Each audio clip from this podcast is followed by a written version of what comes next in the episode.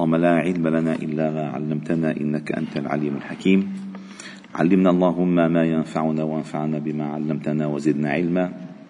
واجعلنا ممن يستمعون القول فيتبعون أحسنه وأدخلنا برحمتك في عبادك الصالحين وبعد. فلا نزال معكم أيها الأحباب الكرام في مجالس القرآن ضمن دروس قرآن الفجر. وقد وصلنا إلى آخر محطة لنا في سورة البقرة. وهما الآيتان اللتان ختم الله تعالى بهما هذه السورة. وهذه الرحلة التي وفقنا الله جل جلاله أن انطلقنا بها في هذه السورة المباركة.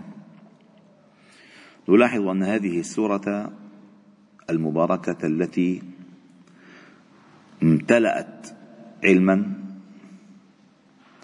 وامتلأت مواعظ وامتلأت أحكاما وشرعا. هذه السورة هي كما قال النبي صلى الله عليه وسلم أن أخذها بركة وتركها حسرة ولا يستطيعها البطل. وهذه السورة تعالج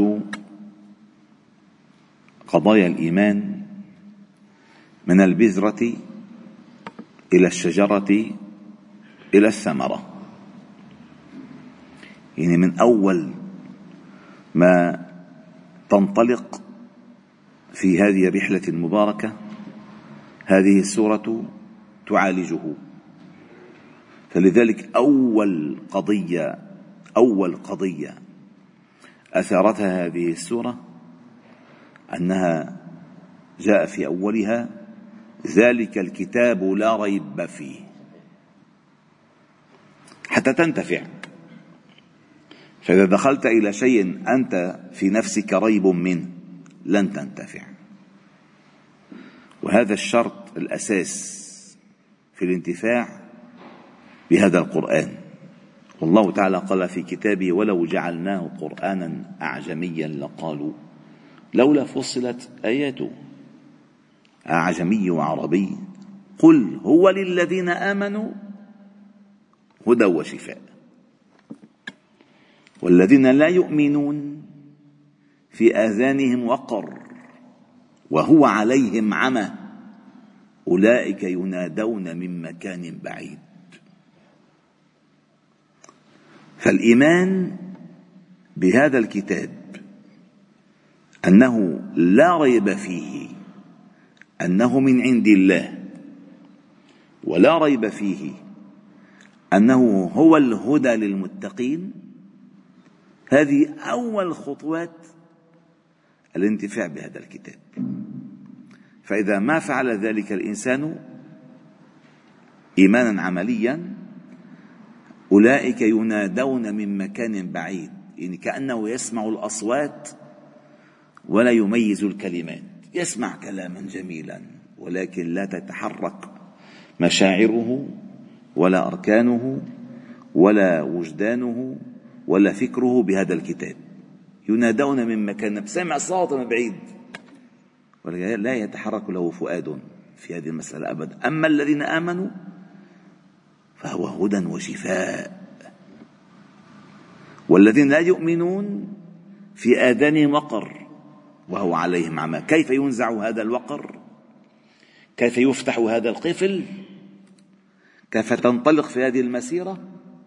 عندما تعلم أنه لا ريب أنه من عند الله. فعندما تتعامل مع كتاب مع كتاب توقن يقينا يقينا أن الله أنزله لصالحك. يا أيها الناس قد جاءتكم موعظة من ربكم. يعني أنزله لصالحك ثم بعد ذلك جعله شفاء لما في الصدور. قد جاءتكم موعظة من ربكم وشفاء لما في الصدور. ثم بعد ذلك هو الطريق إلى النور وهدى. الطريق الهداية يعني الإنسان بيكون ماشي في الطريق فعندما يضل يضل الطريق. يسأل من أين؟ تلقائيا يسأل من أين؟ فالله تعالى قال هذه هذا الكتاب هو موعظة لصالحك. بعدين شفاء لأدوائك وأمراضك وأسقامك. ثم دلالة تسوقك إلى الخير وتحصل منها الرحمة. موعظة من ربكم وشفاء لما في الصدور وهدى ورحمة للمؤمنين. هذا أهم الشروط. هذه البذرة الأساسية. التي تنطلق بنا سورة البقرة سورة البقرة من خلالها. تزرع البذرة الأساس. ومن خلال هذه البذرة تسقى هذه البذرة. بماذا تسقى؟ تسقى أول شيء بماء الإيمان. يؤمنون بالغيب. أعمال الإسلام يقيمون الصلاة. تفاعل مع الناس. ومما رزقناهم ينفقون. هذه السقاية لهذه البذرة السقاية لهذه البذرة. ثم بعد ذلك أنت لست وحدك أنت منتمن لأمة عالمية اسمها الإسلام. فلذلك والذين يؤمنون بما أنزل إليك وما أنزل من قبلك وبالآخرة هم يوقنون. فتؤمن بما سبق سبق سبق سبق. وتعمل لما هو آت آت آت وهو الآخرة. أولئك على هدى من ربهم وأولئك هم المفلحون. هذه البذرة وهذه سقايتها. فعندما تسقى هذه البذرة من هذه من هذا الماء ماء الوحي لأن حقيقة حقيقة أن الوحي هو الماء. والدليل على ذلك أن النبي صلى الله عليه وسلم قال في الحديث الصحيح مثل ما بعثني الله تعالى به من العلم والهدى كمثل غيث. الماء. هو الماء. وتلاحظون أنه في كتاب الله كلما ذكر الماء ذكر الكتاب والذكر. كلما ذكر الماء ذكر الكتاب والذكر. فمثلا في سورة الحديد ألم يأن للذين آمنوا أن تخشع قلوبهم لذكر الله وما نزل من الحق؟ ثم بعد قال؟ اعلموا أن الله يحيي الأرض بعد موتها. اعلموا. سورة النحل وما أنزلنا عليك الكتاب إلا لتبين لهم الذي اختلفوا فيه وهدى ورحمة للمؤمنين والله أنزل من السماء ماء فأحيا به الأرض بعد موتها. هذا الكتاب هو ماء الحياة. ماء الحياة للقلب. وماء الحياة للدرب. وماء الحياة لكل قلب. هذا الماء هو الماء. فإذا هذه البذرة أنت تسقيها بماء الوحي. فعندما تسقى البذرة بماء الوحي تنمو فتنمو فتنمو فتنمو فتصبح هذه البذرة شجرة. وقيمة الشجرة وحجم الشجرة هو الذي يدل على ما حوته هذه الشجرة. فكلما كثرت أغصانها وكثرت أوراقها وكثر ظلها وفيفاؤها يعني أنها ذات بركة عظيمة جدا جدا جدا. وتلاحظون سورة البقرة كلها أحكام كل أحكام تاريخية وشرعية وعملية وعقائدية وإيمانية. من بذرة إلى شجرة إلى ثمرة. ختمت هذه السورة بالثمرة. هذه الثمرة هما الآيتان اللتان أوتيهما النبي صلى الله عليه وسلم من فوق سابع سماوات ونزل بهما ملك خاص. وقال للنبي صلى الله عليه وسلم أبشر بنورين. أبشر بنورين أوتيتهما. لم يؤتهما نبي قبلك. فاتحة الكتاب وخواتيم سورة البقرة. والذي يجمع بينهما أن الفاتحة هي فاتحة الكتاب. هذه الفاتحة هي فاتحة الكتاب أي مدخل الأساس لدخولك عالم القرآن.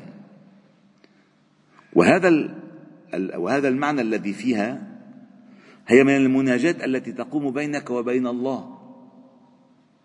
فإذا قال العبد الحمد لله رب العالمين قال الله تعالى حمدني عبدي. فإذا قال العبد الرحمن الرحيم. قال الله تعالى أثنى علي عبدي. فإذا قال العبد مالك يوم الدين قال الله تعالى مجدني عبدي. فإذا قال العبد إياك نعبد وإياك نستعين قال هذا بيني وبين عبدي ولعبدي ما سأل. فإذا قال العبد اهدنا الصراط المستقيم قال هذا لعبدي. أما في أواخر أواخر سورة البقرة نفس المعنى تماما.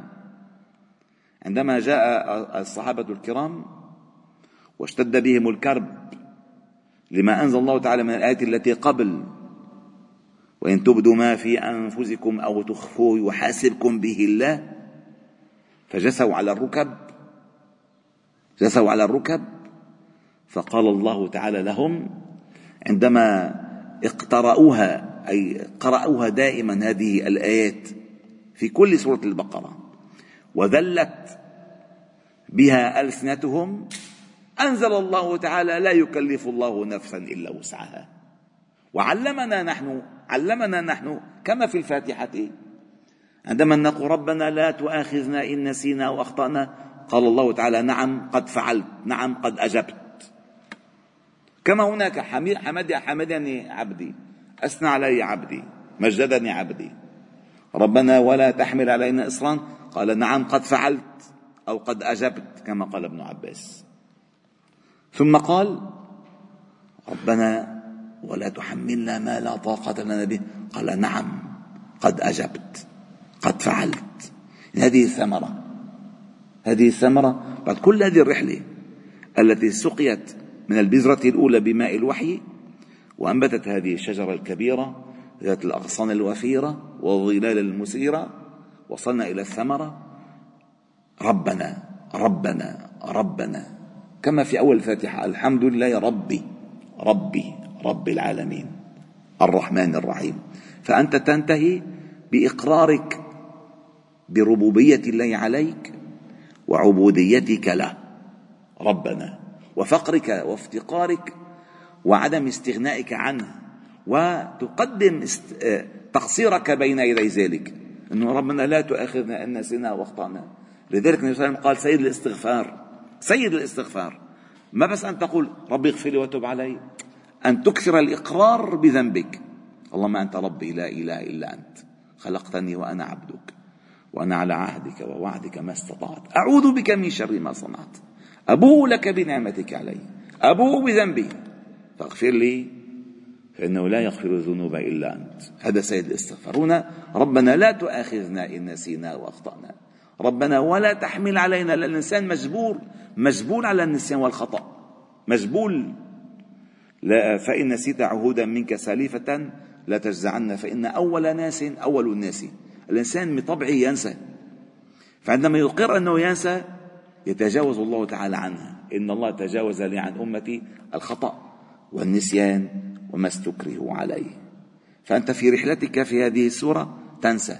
فتستغفر ربك ألا يؤاخذك بما نسيت ولا بما أخطأت.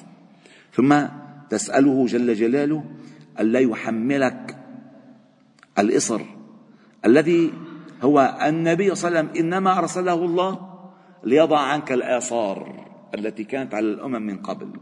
نحن هذه الأمة المرحومة أن تقول ربي اغفر لي يا ربنا يغفر لك. أما الأمة السابقة كانت توبتهم مشكلة. يعني وقوعهم في المعصية مشكلة والخروج منها مشكلة أكبر. ما الذي يدل على أن الله غفر لهم؟ ها وإذ قال موسى لقومه يا قوم إنكم ظلمتم أنفسكم باتخاذكم العجل فتوبوا إلى بارئكم فاقتلوا أنفسكم. شوف التوبة بالقتل نحن نستغفر الله العظيم ربنا غفر له. ربنا ولا تحملنا ما لا طاقة لنا به. الإنسان عاجز عاجز. ربنا ربنا ربنا. واعف عنا واغفر لنا وارحمنا. ثلاث بثلاث. ثلاث اعف عنا خطأنا خطأنا. ونسياننا.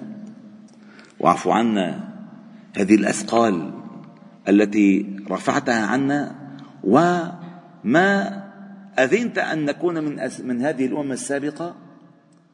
واعف عنا واغفر لنا وارحمنا وارحمنا. لأن بالطاقة لما ربنا ما حملك ما لا طاقة لك به فقد رحمك. ثم قال أنت مولانا. يعني إقرار رب رب رب رب أنت مولانا. فانصرنا على القوم الكافرين حتى تكون نهاية هذه السورة بكل ما أتى الله تعالى بها من أحكام. وتعلمون كم هي أحكام آيات القتال التي ذكرها الله تعالى في هذه السورة؟ وانصرنا على القوم الكافرين. فأنت تقول عندها آمين. وسبحان الله كل ما ختم شيء فيه إقرار من هذا العبد بربوبية الله عليه. مثلا تخيلوا آخر سورة بكتاب الله آخر سورة. قل أعوذ برب الناس ملك الناس إله الناس. تختم هذه السورة أو القرآن كل سورة القرآن بإقرارك بالربوبية بالملك من الله لك لا من بالملك من الله عليك هو المالك وبالألوهية. وهكذا نفس السورة هنا. ربنا أنت مولانا فانصرنا على القوم الكافرين. آمين آمين. والحمد لله رب العالمين. سبحانك وبحمدك نشهد أن لا إله إلا أنت. نستغفر ونتوب إليك. وصلي وسلم وبارك على محمد وعلى آله وأصحابه أجمعين. الحمد لله رب العالمين.